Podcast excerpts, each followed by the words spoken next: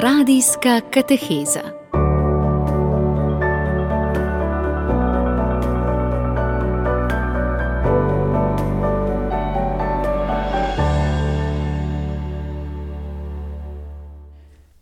Z gospodom celskim škofom, dr. Maksimilijanom Matjažem, že nekaj mesecev beremo in razlagamo Božjo besedo in sicer prvo pismo Korinčanom, torej pismo Cerkvi v grškem mestu Korint. Povedali smo že, da apostol nagovarja konkretno življenje, ki ga crkva živi, crkva pa ima en temelj in to je Jezus Kristus, križani. Pavel kristjane usmerja na njega, z njim naj motrijo tudi svoje naravno življenje. Zato Pavel ne zganja moralizma, ampak je nekakšen duhovni voditelj je tudi zelo konkreten, odgovarja na konkretna vprašanja, zakonske zveze, devištva, celibata. Vse te teme srečujemo v sedmem poglavju, ki mu bomo tudi nocoj namenili svojo pozornost. Pa najprej pozdravljam biblicista, dr. Maksimiljana Matjaža. Dober večer in dobrodošli. Dober večer. Če na začetku preletiva prejšnjo oddajo, brali smo misli kot naprimer: Dobro je, da se moški ženske ne dotika, pa potem žena nima oblasti nad svojim telesom, marveč mož, enako tudi mož nima oblasti nad svojim telesom, marveč žena. In samskim in udovam naroča naj se, če se ne morejo obvladati, poročijo, Tudi zakoncem naroča, pravi sicer ne jaz, temveč gospod, naj se žena ne loči od moža, pa tudi mož naj žene ne odpušča. Te misli nekako poznamo po delih, če jih želimo razumeti, kaj moramo vedeti, kako jih moramo brati. Kaj je to temeljno sporočilo Pavlovega govora o različnih stanovih, ki smo jih pravkar omenila? Uh, jaz se mi zdi, no, da je tole sedmo poglavje na nek način v. Eh, tako v, v srcu uh, tega velikega pisma Korinčanom, uh, kjer se Pavel po tistih uvodnih mislih, ki jih nameni včasih bolj teološkim vprašanjem, potem vprašanjem crkve kot občestva, kot skupnosti, se usmeri prav tako na, na, prav na to srčiko, na intimo človeškega življenja. No in, In v uh, sedmem, vse od sedmega, kot smo že rekli, od sedmega pa tja do skoraj četrnajstega uh, poglavja, Pavel odgovarja na uh, ta konkretna vprašanja. No, in zdi se, da je, uh, da je bila ta uh, korinska skupnost, ki je živela, kot smo že tudi večkrat omenili, korinska krščanska skupnost v kontekstu tega. Eh, zelo tako posvetnega, grškega, poganskega sveta, eh, da je bila eh, na nek način gotovo se odzivala na to, na to pogansko življenje. Ne samo to, tudi ti kristijani so v resnici vsi sprobrnjenci, torej imajo neko izkušnjo tistega življenja, kakor ga je še potem živelo tudi okolje. In mm, kako je včasih uh, pač tudi značilno, recimo za človeka, ki, ki se spreobrne, tudi za Pavla je bilo tako, ne, da je v prvi fazi uh, se tako zelo radikalno postavi na neko nasprotno stališče. Ne. Vemo, kako je Pavel tudi takoj po uh, spreobrnenju, po izkušnji Damaska, uh, kar v nekaj dneh šel v, v, v, v, v vzhodnice, v Damask, v, v Medvednike in začel tam na vse glas oznanjati, da je Kristus tisti, ki nas je vsega osvobodil, in tako dalje. Ampak ljudje so bili seveda zelo ne, eh, malo nejeverni, ne samo to, bali so se ga in niso mu verjeli, na koncu so ga pravzaprav odgnali. Tako se zdi, da, je, da so tudi tukaj med eh, vernimi kristijani ljudje, ki so potem šli v en drug ekstrem, se pravi v ekstrem nekega velikega asketizma, ali pa ne samo to asketizem, bolj kot ne nekega strahu, da ne rečem celo sovraštva do vsega telesnega. Ne. Da je zelo spoštovano in zelo posebno, asketsko se zdelo da je življenje, ki se živi v, v, v čistosti, v neporočenosti, v samskosti, eh, da pa vse ostalo življenje je pa na nek način neke vrste kompromis. No, in tukaj v tem sedmem poglavju je Pavel zelo, zelo jasen glede tega, zelo močno izpostavlja pomen, pomen tudi telesnega življenja in podarja to, važen je način, kako živimo to življenje. Ne. Način se pravi izredno, to, kar bo potem neka, neki, neki leitmotiv, neki vodilni motiv v pismu Rimljanom, ta beseda po duhu. Ne, Je tukaj eh, ni izrecno rečena, ampak jo vedno znova v, v eni obliki ponavlja. Važno, važno je, da to naravno življenje živimo na duhovni način. Da torej tudi življenje, eh, kot je življenje med osebami, med možem in ženo, potem odnos, ki bomo v, videli potem v osmem poglavju, do materialnih dobrin, eh, tudi do, do kulta, do tam, da važno je ne kaj živim, ampak kako to živim. In tisto merilo je pravzaprav, uh, merilo je na nek način pripravljenost človeka, da izstopi iz samega sebe, da se prepozna kot obdarovanec in da drugega sprejme kot na nek način dopolnitev samega sebe. Ne. Zato je posledica tega ne samo to, da eh, Pavel ovrednoti to. Uh, Eh, telesno življenje, spolno življenje, tudi zakonsko življenje, ampak seveda, da ne dela nobenih razlik med, eh, med stanovi, ali pa tudi, in seveda tudi ne med moškim in žensko.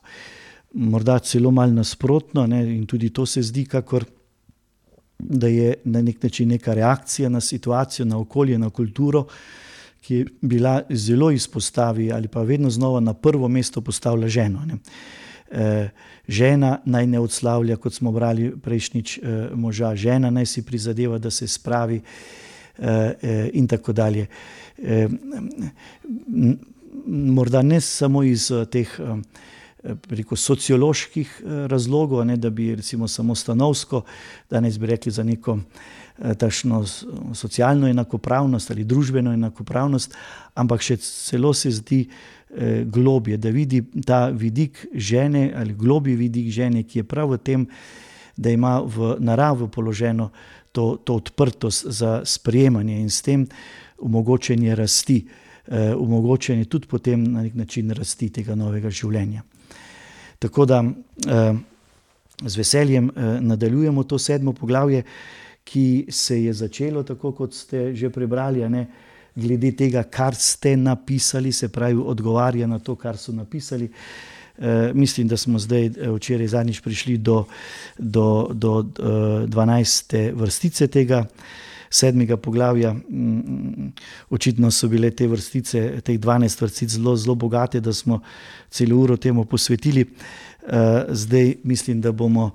Eh, da bomo tudi lahko si vzeli nekaj časa še za preostanek poglavja tja do 35. 35. Eh, vrstice je še nekaj zelo, zelo zanimivih podarkov, ki jih bomo slišali. Se strinjam, pa kar preberimo vrstice od 12 do 16. Drugim pravim jaz, ne gospod, če ima kak brat neverno ženo in je ta voljna živeti z njim, naj je ne odpušča. In če ima kakšna žena nevernega moža, pa je ta voljen živeti z njo, naj moža ne odpušča. Neverni mož je namreč posvečen po ženi, in neverna žena je posvečena po vernem možu. Sicer bi bili vaši otroci nečisti, tako pa so sveti. Če pa se neverni hoče ločiti, naj se loči. Brat ali sestra v takih primerih nista sužensko vezana. Bog vas je namreč poklical k miru. Kaj veš, žena, če boš rešila moža? Kaj veš, mož, če boš rešil ženo? Ja, zelo zanimiv odlomek, dr. Maksimilijan Matjaš, morda to na začetku.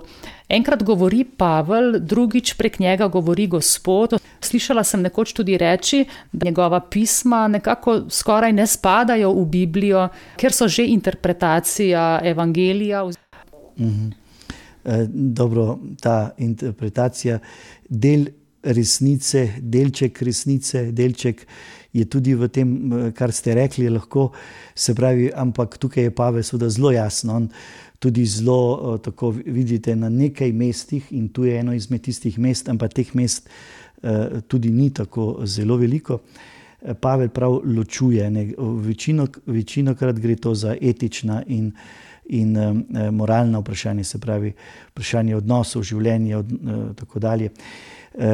Kadar pa, kadar pa govorijo o, o, o, o razodetih vprašanjih, predvsem o kerigmatičnih vprašanjih Kristusa in to, kar mu je bilo razodeto, tam seveda zelo, je zelo jasen da, da in, in hoče tudi, da se tako zelo jasno sliši, da ne govori on, ampak Kristus uh, govori po njem. No, tukaj pa je eno izmed takih, ampak tudi na koncu tega pasusa, uh, nismo ga še prebrali, ga pa še bomo, uh, ko bo še enkrat ponovil tako, da uh, tudi to pravim jaz, uh, ker od gospoda nimam točnih navodil, kako. Glede tega, ampak pravi, mislim pa, da imam tudi jaz gospodovega duha. Se pravi, se sklicuje na tistim, Eh, naravni, naravni čut, se pravi, na, na, da duha, ki deluje po njem, no in ta duh, ki deluje po njem, je gotovo za njega vir modrosti in za nas, lahko rečemo, eh, vir navdiha. Se pravi, da lahko v celoti eh, dejansko svetopismo in tudi Pavlova pisma jemljemo kot vsaj kot zelo modro besedo tako kot beremo recimo eh, eh, spise svetih eh, ljudi, svetih očetov in žena, ne, kjer, kjer čutimo, da, je, da gre za besedo, božjo besedo, ki pa je, lahko rečemo tako, prežvečena z, z življenjsko izkušnjo, ne, da je šla skozi človeka, kako rečemo. Torej, nagovori tukaj, če zdaj se vrnemo k temu odlomku, ne, eh, ko pravi, eh, če ima kak brat nevirno ženo in je ta voljna bivati z njim, naj je ne zapusti, in prav tako, če ima katera žena nevirnega moža in je ta voljan bivati z njo, naj moža ne zapusti. Prvo, kar spet tukaj omenimo, je ta enakopravnost. Eh, obeh, se pravi, tako žena, kakor mož, sta v resnici svobodna v odnosu, v, v zakonu. In tukaj odpre to vprašanje, ki jo v sodobnem jeziku, recimo v crkvenem jeziku, recimo, poznamo kot vprašanje mešanih parov. Eh, to so, gre za tiste verne, eh, vernike, ki so pristopili Eh, v krščanstvu, v krščanstvo na nek način ali pa še niso preko partnerja. Eh, zdi se, da eh, spet tukaj najprej da rečemo, da se pravi, en, en, en par je bil krščen, drugi par pa ni krščen, če danes po domače rečemo. Ne. In eh, zdi se, da gre za reakcijo, ne, ko Pavel tukaj tako mirno po, eh, porazdeli te, te vloge. Ne. Da je tu reakcija na eh, miselnost okolja, recimo v krščanski skupnosti ali pa nekaterih radikalnih članov korinske skupnosti, ki so zahtevali od vernikov, eh, da se v tem, ko so sprijeli krst, da se ločijo od svojih poganskih zakoncev. Se pravi, da da, se, da ne živijo, se pravi, da ne živijo z, njim, z njimi več. Očitno je bilo tako, da je žena ali pa mož sprejel, sprejela viro, mo, eh, obratno pa par pa potem ne.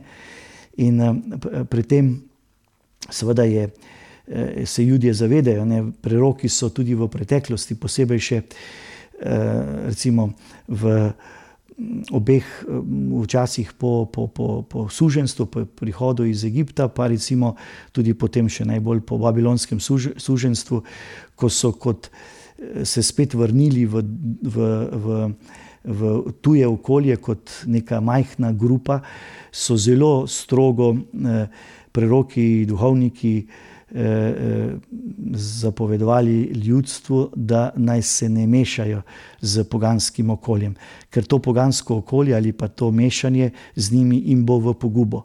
In vemo, da je recimo bila takšna, naprimer, najbolj znan primer je najverjetneje pa, uh, kralj Salomona, ne, ki, se je, ki si je potem pri, privzel toliko in toliko stotine tujih žena in te tuje žene so ga potem odvedle tudi njega nazaj v poganstvo. Pavel tukaj je zelo pragmatičen in v resnici pristopa k reševanju teh konkretnih težav, recimo danes bi rekli zakonov, z res to evangelsko širino in k spoštovanju naravnega zakona, tudi lahko rečemo. Torej, dva sta si izkazala ljubezen in to je tisti primarni naravni zakon, ki je bazičen. Vira je potem, seveda, izhaja iz tega, ali pa je del tega, tega, tega zakona, ali pa lahko tudi rečemo, plemeniti ali pa interpretira ta naravni zakon. Ne na zadnje, mi verujemo, da je zadaj za naravo pravzaprav ta osebna božja moč in božja ljubezen ali pa božji navdih, ustvarjalnost, ki. Um, ki povezuje in potem rojeva to novo življenje. Um, in zato je tukaj Pavel, seveda, spet šel, uh, še posebej, kar se tiče te svobodno, svobodne odločitve žene, ne, nekako proti uh, kulturi tistega časa, kjer je veljalo, recimo, da še zdaj v marsikaterih takšnih kulturah, ki se zdi, da temeljijo na religioznih principih, ne velja, da žena sprejme viro moža. Ne. Tukaj povdari Pavel, da sta oba, se pravi, svobodna, e, ga, lahko, ga lahko obdrži. Ga lahko obdrži tudi mož, lahko obdrži, se pravi, obe sta ti, oba sta ti svobodni osebnosti. Um, in, in je S tem je seveda Pavel prešel to, to kulturno bariero, to religiozno kulturno bariero, ne, ki je veljala, da je pač mož tisti, ki, ki je odgovoren za tradicijo, odgovoren za kulturo in zato se seveda žena prilagodi. Drugo, kar je od zadaj, kar tudi morda mi manj čutimo, ampak da se samo zavedamo, kako močni premiki so bili v tej krščanski družbi, recimo, ali pa v nastajanju te krščanske družbe, narejeni, pa je ta, da je s tem Pavel, kar seveda tudi ni bila novost, ker je že Jezus to podaril, ne, je razveljavil tiste delitve na čisto in nečisto. Ne.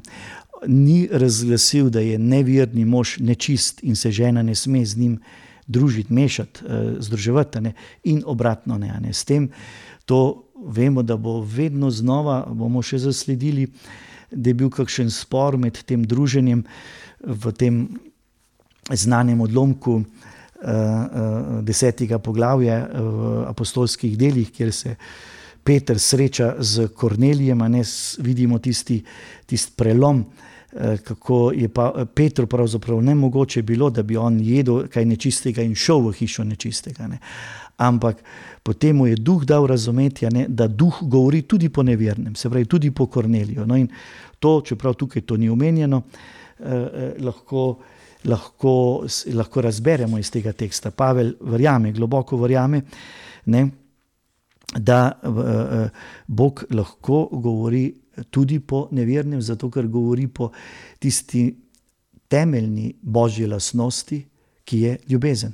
Ne in ta premaga recimo neke zunanje uvire. 14. vrstica potem pravi, ne, neverni mož eh, se namreč posvečuje po ženi in neverna žena se posvečuje uh, uh, po bratu.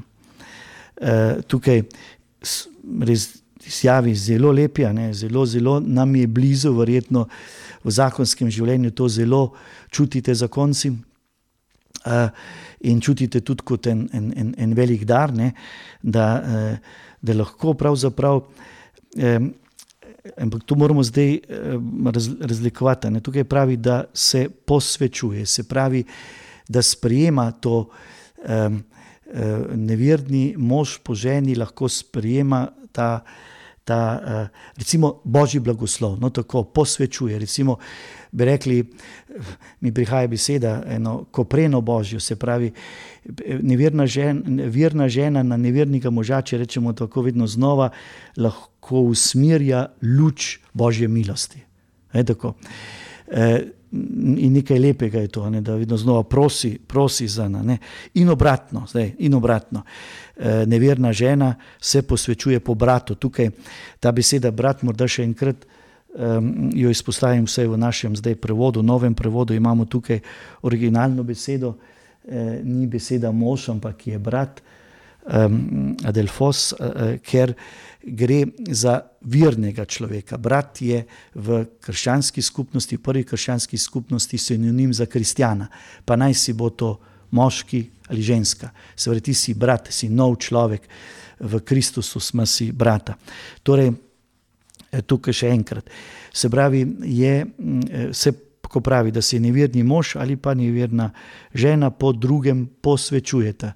Besede posvečenje je dejansko, eh, bi lahko primerjali s tem, da na, njo, na njega, na nasprotnika, na svoj par kličem ta božji blagoslov. Razlika pa je namreč to, kar bo v nadaljevanju re, reče, pa pravi, um, 16. vrstica pa pravi, vendar kaj pa veš, žena, če boš rešila moža, ali kaj veš, mož, če boš rešil ženo. Ne? Tukaj je razlika med posvečenjem, ki pravimo, da gre za klicanje milosti in blagoslova na človeka, in pa na rešitev ali odrešenje. Odrešenje pa je izključno božji dar. Se pravi, od, odrešenje pa je se lahko, odrešenje se pa dejansko ne da izprositi, ker ga mora človek sprijeti v nekem smislu. Ne? Tako da to je tako, ne morem dihati za, niti za otroka, ne? otrok mora sam dihati, e, kaj šele, za, tudi za moža ne morem dihati. Tako tudi jaz ne morem moliti na mesto moža, razumete, In, ali pa žena, ali pa mož na mesto žene ker ne morem jesti na mesto, ne morem živeti na mesto koga. Ne, to, ne, smisel eh, življenja eh, lahko pomagam odkriti, ne morem pa ga dati, ne, eh, ampak ga je, mora tisti samo stopiti. No, in tu je tukaj ta beseda, se zaveda žena, da rešila moža ne boš, ker rešil ga bo Bog. Torej, rešil ga bo Bog, ko bo on v svobodi sprejel uh, ta, te, te, te njegove. Uh, veliko to njegovo ponudbo in to njegovo roko.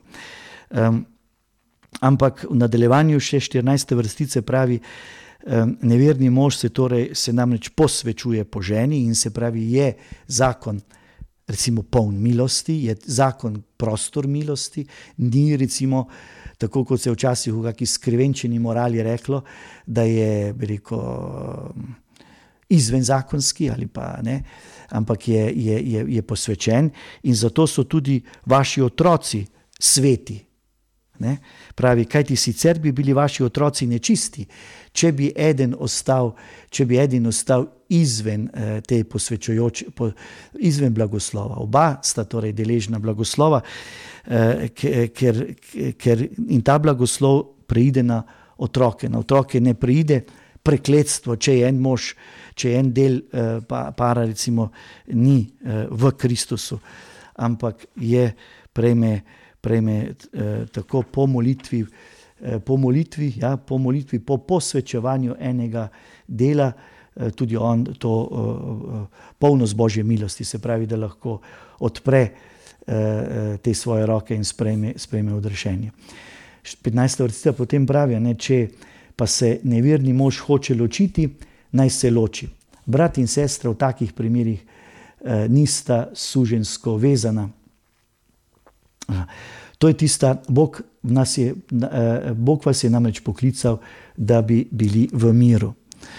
To je zdaj morda ena, ena bolj slavnih eh, stavkov in izjav tu v, v, tej, v, tem, v tem sedmem poglavju, pa sploh, nasploh tudi v pismu, ker tukaj govorimo za tako, tako imenovani eh, pavlinski privilegij. Ne?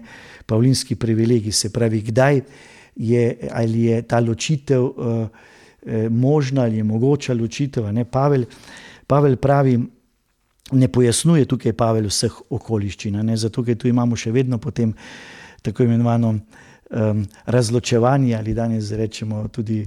Uh, uh, sodišče in sodnike in preiskovalce, ki ugotavljajo to, to, to, to trdnost ali pa netrdnost ali pa smrt, recimo neka, nekega za, zakona, zakonske zveze, ampak pravi, če, če se neverni hoče ločiti, ne, naj se loči. Se pravi, eh, v smislu, da je, da je verni človek pravzaprav. Eh, eh, Na nek način svoboden, če neverni od njega odide. Ne, in se lahko ta eh, ponovno poroči. vendar se pravi, ne pojasnjuje okoliščin, kako potem to nadaljno življenje te virne strani kako se, eh, kdo je ali mož, mož ali žena, kako se potem to razvija, koliko, kakšno je to odnos še do, od, do enega in drugega. Ne. Poda pač ta osnovni kriterij, eh, ki je, ne, da je človek poklican, da svobodno odgovori.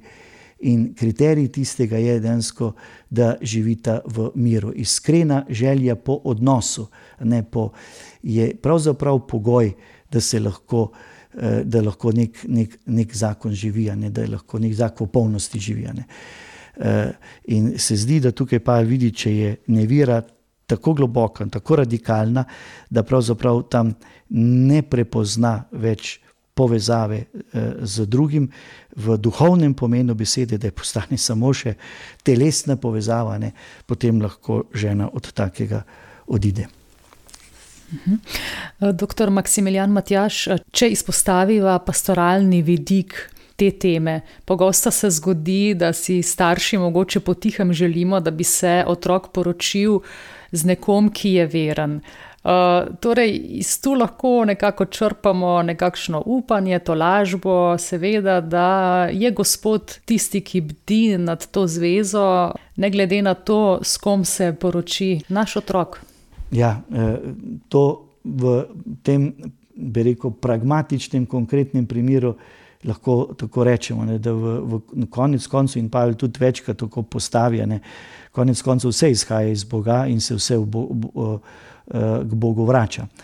Eh, je pa seveda res, da bo tudi na eh, kar na nekaj mestih ponovil in tudi v tem poglavju bo ponovil, jaz bi vam rad prihranil kakšne skrbi in stiske. Zato vam naročam, ne, zato vam naročam, naroča tudi to, ne, da v tem primeru, če bi ga vprašali tako, da je jasno naravna pot, je pa seveda, da se, da se duhovno in, eh, in, in, in, in, in življensko, eh, eh, naravno in nadnaravno mož in žena skladata.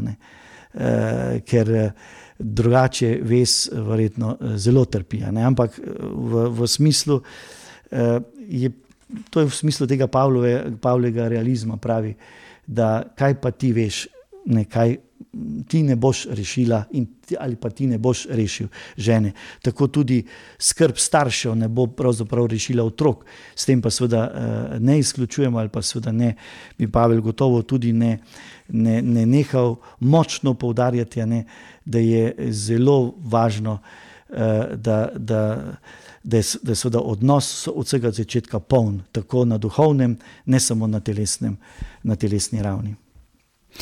V naslednjem odlomku od 17. do 24. vrstice Pavel izpostavi, naj živimo poklicanost tam, kjer smo.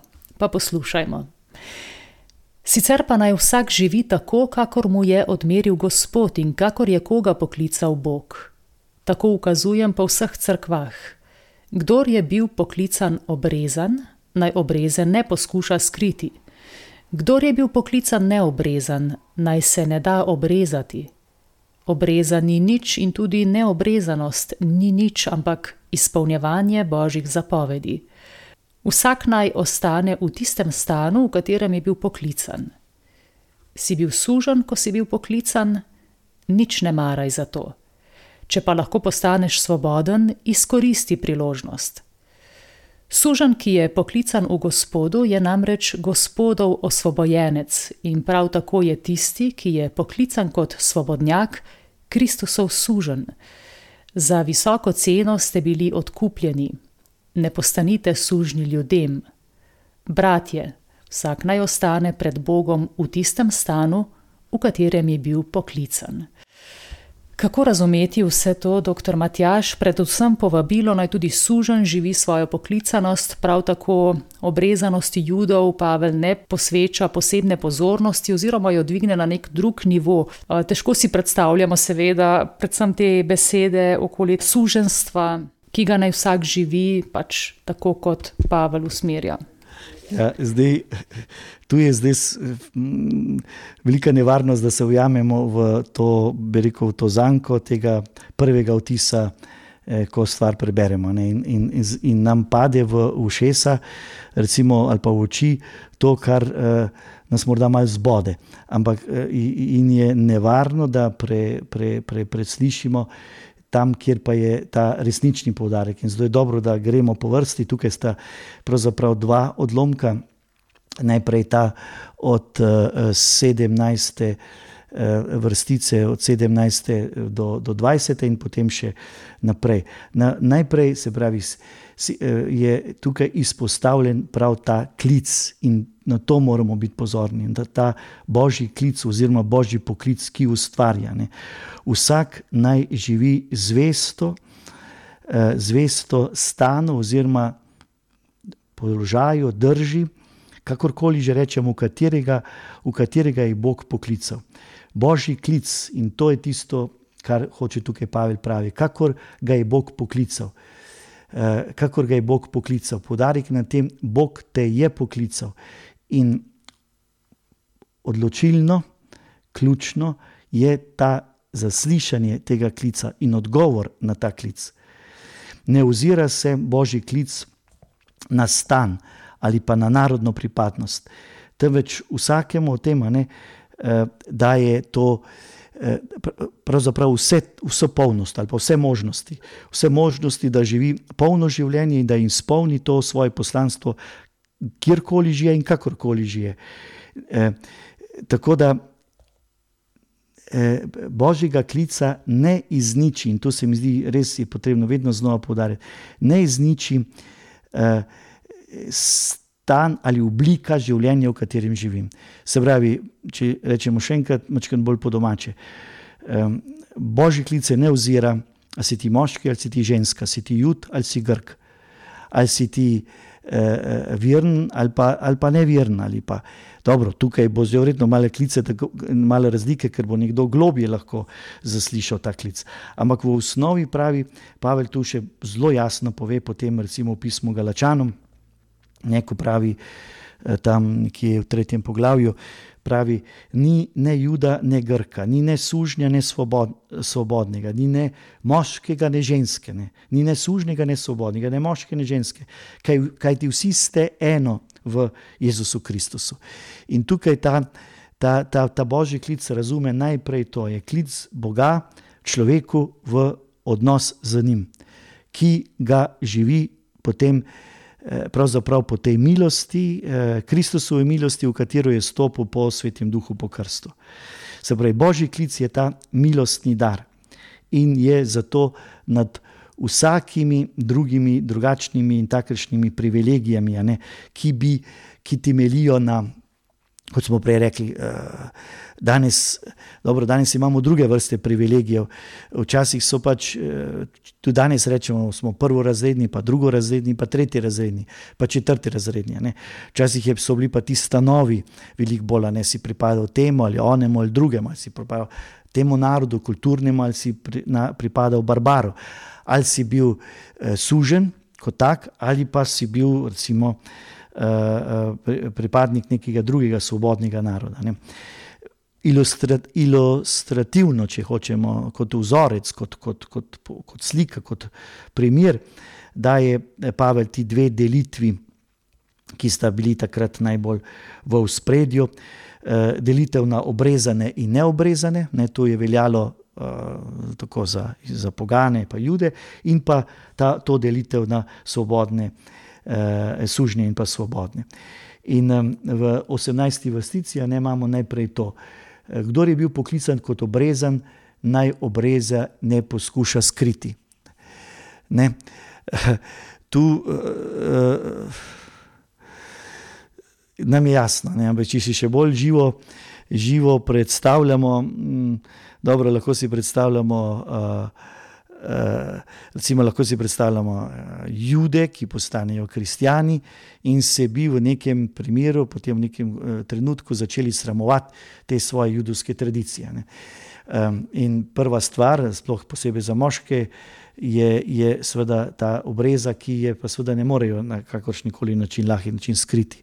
Če se spomnimo uh, že iz svetega pisma, vemo, da ko so recimo v novejšem času, to je tik začetka helenizma, um, to področje judovsko zauzeli Grki.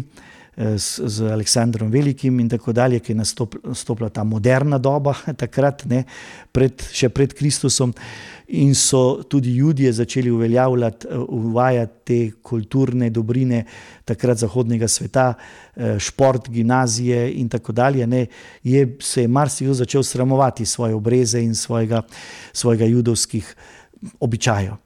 Eh, ali pa da rečemo 2000 let potem nazaj, pa malo manj. V naš čas vemo, kako usodno je bilo judovski zgled za jude v, recimo, v času nacizma eh, v, v, v, teh, v, v, vsem, v Evropi takrat. Ne. Torej, pravi, to pa ni, ni niti ni bistveno. Ne. Bolj pomembno se mi zdi, no, da je to, da spet tukaj Pavel eh, nekako izniči ali pa eh, eh, razveljavi tiste navidezni privilegiji, ki bi jo imel recimo Eh, nek, nek človek samo potem, da je obrezan. In to Pavel potem posebej še v pismu Rimljanom, pa tudi v Galačanom, pravi, ne, pravi, da opravičenje človek ne prejme, se pravi to naklonjenost Božje, ne prejme potem, da je obrezan ali pa da upravlja dela postave, ampak je, ampak je ga deležen tega poveri, je Božji dar. Ne, tako da eh, to, to temo obreza ali ne obreza, obrezani nič in neobrezani nič, to, kar pravijo 19. vrstice. Obrezani nič, neobrezani nič, ampak spolnjevanje božjih zapovedi. To je zelo, zelo uh, velika uh, revolucionarna trditev ne, za, za tisti čas, ker obreza vendarle pome, je pomenila za jude pripadnost, znamenje pripadnosti izvoljenemu ljudstvu. Ampak vemo, da je potem. Pavel marsikdaj to ponovil, to, to, temo, to temo v smislu, da pravi: obrežite si srca, notranja obreza je pomembna, se pravi, vaše ravnanje je pomembno. Um, se pravi, da na izvoljenost, na to enkratno poslanstvo eh, je kazala obreza, ampak eh, kristijani so po, po, poklicani, da z življenjem kažejo na to enkratnost in to novost, ki so jo sprejeli po Kristusu. Um, drugo um, v, je pa potem v 20. vrstica se mi zdi, da je tako zelo, zelo, zelo tukaj glavna v, v, tej, v tem odlomku, kratkem. Vsak ne ostane v tisti poklicanosti, v katero je poklicane. Čeprav tu se zdi, ne, gledajte, eh, in to ste tudi naglas, naglasili prej na začetku. Ne, da tukaj eh, Pavel zagovarja neko, nek, nek negativni konzervativizem. Ne. Se pravi, to, kar so naprednjaki vedno govorili, eh, učitelji krščanstva, ne, vi se ozirate nazaj, ne pospešujete napredka. Glede, nasprotno, v čem ustani v poklicanosti, v poklicanosti, se pravi, ustani v, v, v tem prepo, v spoznanju ali pa sprijetju življenju Božjega daru, ki si ga sprijel. To je srčika tega, ne? da ti živiš in ostaneš v tej svoji identiteti. E, in da je tisto, tis, tista ide, identiteta, tista tvoja resničnost, tisto tvoje življenje je nosilec božjega življenja, je resnica božjega življenja.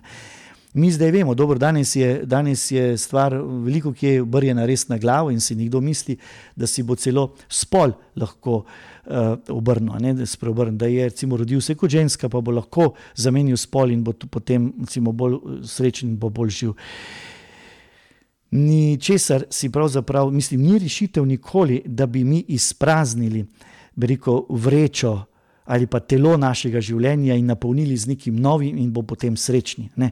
Tu že princip poklica je pravzaprav tak, že od vsega začetka, od proroških časov, pa recimo v Jezusovem času, kaj pravi Jezus. Poklical je ribiče ne, in jim je rekel: Pridite hodi in hodite za menoj, in naredi vas bom za ribiče ljudi. Ne, ne, ne govori, da bodo da bodo zdaj morali postati nekaj drugega, ker ne morejo postati. Ta ribiška mentaliteta, ta njihov eh, DNK, ta DNK je sposoben, uh, je sposoben sprejeti božji klic in bodo ribištvo živeli na božji način. Ne, to je ta veliko skrivnost ali pa resnica te krščanske antropologije, ne, ki, ki zagovarja to, to uh, bi rekel to novost, recimo zdaj bom tako rekel, zato ker eh, spet je tema sicer, ki ne spada direktno to, ampak tukaj je vprašanje antropologije in razlika eh, od krščanske trihometrije, se pravi te trodelne sestavi, sestavine, eh, krščanske in prej grške, čeprav je zelo podobna grški, je prav v tem, da je v srčiki tega človeka, novega človeka, ustvarjalni božji duh, ki ga človek, ki ga človek sprejme, po krstu, se pravi, ko mu je podeljena ta milost božjega klica. Ne? Se, se, se razumemo. Ne? Se pravi, ta, ta duh, ki je, ta duh bo potem dajal življenje eh, psihe, psihičnemu življenju in telesnemu življenju. Se pravi, jaz potem živim vso to, vso to življenje, ki ga živim eh, z, z eno dinamiko, z močjo, z novim življenjem tega duha, ki je eh, pravi, na nov način. To je to. In potem v tem kontekstu lahko edino razumemo, ne, da um, če uh, potem to drugo, če si torej poklican kot sužen. Uh, poglej, eh, je pravzaprav ključno, da živiš to suženstvo z novim življenjem, v novo življenje. Živi kot svoboden. Kristus te je v svobodo za vse. Lej, ne pravi, tukaj smo prevod, mečkeno potem, uh, smo ga s kolegom uh, Miranom Špeličem uh, Eh, pilila v, pred, pred leti, takrat 15. leta, in mislim, da zdaj bo končno ugledal počasi ljud sveta. Eh, pravi, pravi v, prav tako v vsak naj svoj poklicanost. Si bil poklican, ko suže, naj ti ne bo mar. Če pa moreš, točno v 21. vrstici imamo, ne? 21. vrstica v tem, v tem prejšnjem prevodu je, se glasi tako: uh, Si bil poklican kot sužen, nič ne maraj. To je malo težko rečeno. Ne? A, čepr, a čeprav moraš postati svoboden, raje izkoristi svoj položaj. Težko razumljiv je ta stavek. No, in morda ta, zdaj, ta, eh, ta, ta nov prevod zveni morda malo bolj, jaz upam, da zveni bolj razumljivo, ne? Ki pravi tako: ta 21. vrstica. Si bil poklican kot sužen, naj ti ne bo mar. Če pa moraš postati svoboden, to, kar izkoristi. Eh, eh, Zadaj je ta ideja. Se pravi, če si ni za usodno, če si bil poklican kot sužen, ampak če pa ti imaš možnost postati svoboden, izkoristi to. Ne? Uh, tam se zdi, kakor da Pavel tukaj, ampak je zelo tekstno kritično, tudi tekstno kritično. Eh, vem, smo takrat se zelo poglabljali v te različne variante prevode, je stvar nekako odprta, ampak ideja je, in to vemo tudi iz konteksta Pavlovega, ne, da seveda nikakor ne bo eh, rekel, da če, eh, ste, če, če kdo ima možnost tudi v materialnem smislu, v naravnem smislu, da je osvobojen, Krščanstvo je vedno znova spodbujalo odkupovanje sužnjev. Že v, že v, v, v najbolj antični, primarni dobi, potem pa seveda vse čas. Ne? Tako da, če pa moraš postati svoboden, eh, to izkoristi. Ampak, pravi še naprej, sužen, namreč, ki je poklican v Gospodu, je Gospodo osvobojenec, 22. vrstica. Ne? Poklican v Gospodu, se pravi, je tisti, ki ima ki je sprejel poklic, se pravi, sprejel novo življenje, je torej Gospodo osvobojenec. E, in prav tako tisti, ki je poklican kot svoboden, ne, je na nek način e, se popolnoma podrejen, ne živi meč jaz, ampak v meni živi Kristus, je torej Kristus osužen. In Pavel to besedo Kristus osužen, ne, e, veliko krat naobrača na samega sebe. Pravi, se ne oziram na to, kaj misli ljudje in, in tako dalje. Jaz sem se popolnoma izročil njemu in sem njemu, se pravi, ta, on je, iz, ali pa kot reče Jezus, morda še v lepši besedi, ne, moja jed je izpolnjevati očetovo voljo. Tako, eh, glede tega mislim, da smo, eh, da smo lahko raz, razčistili, ne, da, da gre za ta dar poklicanosti, dar novega življenja, in da je potem seveda sekundarno, kje ga živiš, v vsakem stanu ga živiš in je tisto, kar dejansko spremeni tvoje življenje. Seveda, če pa lahko napreduješ v eno drugo, se pravi, če si tudi dosežeš lahko to življensko, družbeno, socialno, kakršno koli osvoboditev, pa te božji klic k temu lahko samo podpira. In pravi v 23. vrstici še: Ne pozabite, za visoko ceno ste bili kupljeni, ne postanite sužnji ljudem. In to je usodno. Ne, to je usodno. Usodno je eh, suženstvo tistemu, ki ti vzame svobodo, ne pa suž, biti sužen tistemu, ki ti življenje in svobodo daje. In veste, da imamo preko vedno znova, na vsakem koraku, pravzaprav eh, eh, prežina človeka nekdo, prežina njegovo svobodo, nekdo, ki jemlje, ki hoče nekaj, večino krat želijo našo pozornost, naš denar, našo, eh, našo življenje, včasih rečemo tudi človekovo dušo, ne? da ti potem seveda obljubi nekaj, vendar eh, pogoj je, da, da, da mu seveda izpredaš svojo svobodo. Eh, smo zdaj v posnem času in v prvi posni nedelji nas pravzaprav prav ta eh, znan, znana prilika v Jezusovih skušnjavah eh, sprejme, sprejme in nagovarja, ne, eh, ko pravi, samo Bogu služi in njemu edino bodi pokoren in takrat boš recimo svoboden. Tukaj podari, Pavel pa še posebej podari, ko reče, za visoko ceno ste bili odkupljeni. Kaj je bila ta visoka cena? Visoka cena je bilo življenje Božjega sina. Bog je svet tako ljubil, da je dal svojega edinorojenega sina ne, in ga je dal do konca, ne, do konca. Vsak torej zaključi 24. vrstici, naj ostane pred Bogom v tem, v čemer je bil poklican. Ne. Tu torej v poklicu, v milosti naj ostane. Smo si jasni, ne, da ne preska, preskakujemo na soci, družbeno področje, ne, ampak ostanemo dejansko na tem bivanskem, življenjskem ali, če hočete, milostnem področju. Vsak naj ostane v milosti, v kateri je bil poklican. Tako, ob koncu oddaje smo, dr. Maksimilijan Matjaš, upali ste, da se bomo nekako prebili skozi sedmo poglavje, pa nam tudi nocoj ni uspelo.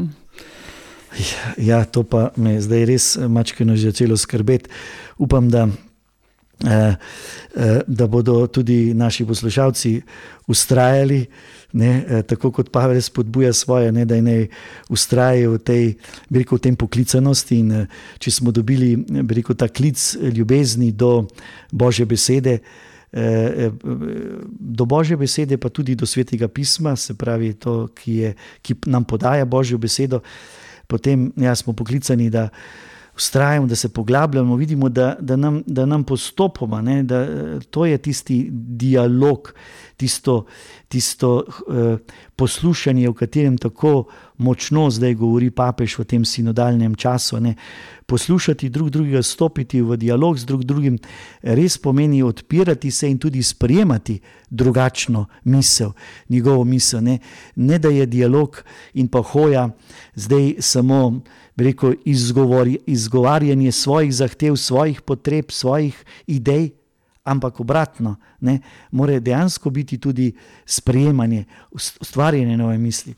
In vidimo, kako smo v svetem pismu vedno znova v nevarnosti, da pristopimo k nekim za svojo miselnostjo, za svojimi družbenimi predsotki, ki so se mi sčasoma nalezli, ne, in sploh ne morem potem sprejeti neke tako eh, dragocene in občutljive in senzibilne in globoke, recimo, besede, ki je lahko sprejeta samo v ljubezni in svobodi in spoštovanju.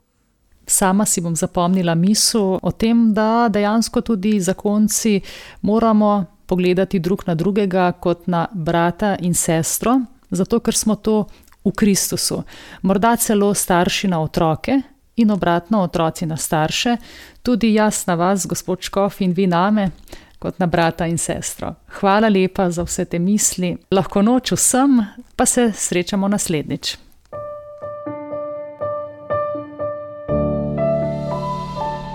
Radijska kateheza.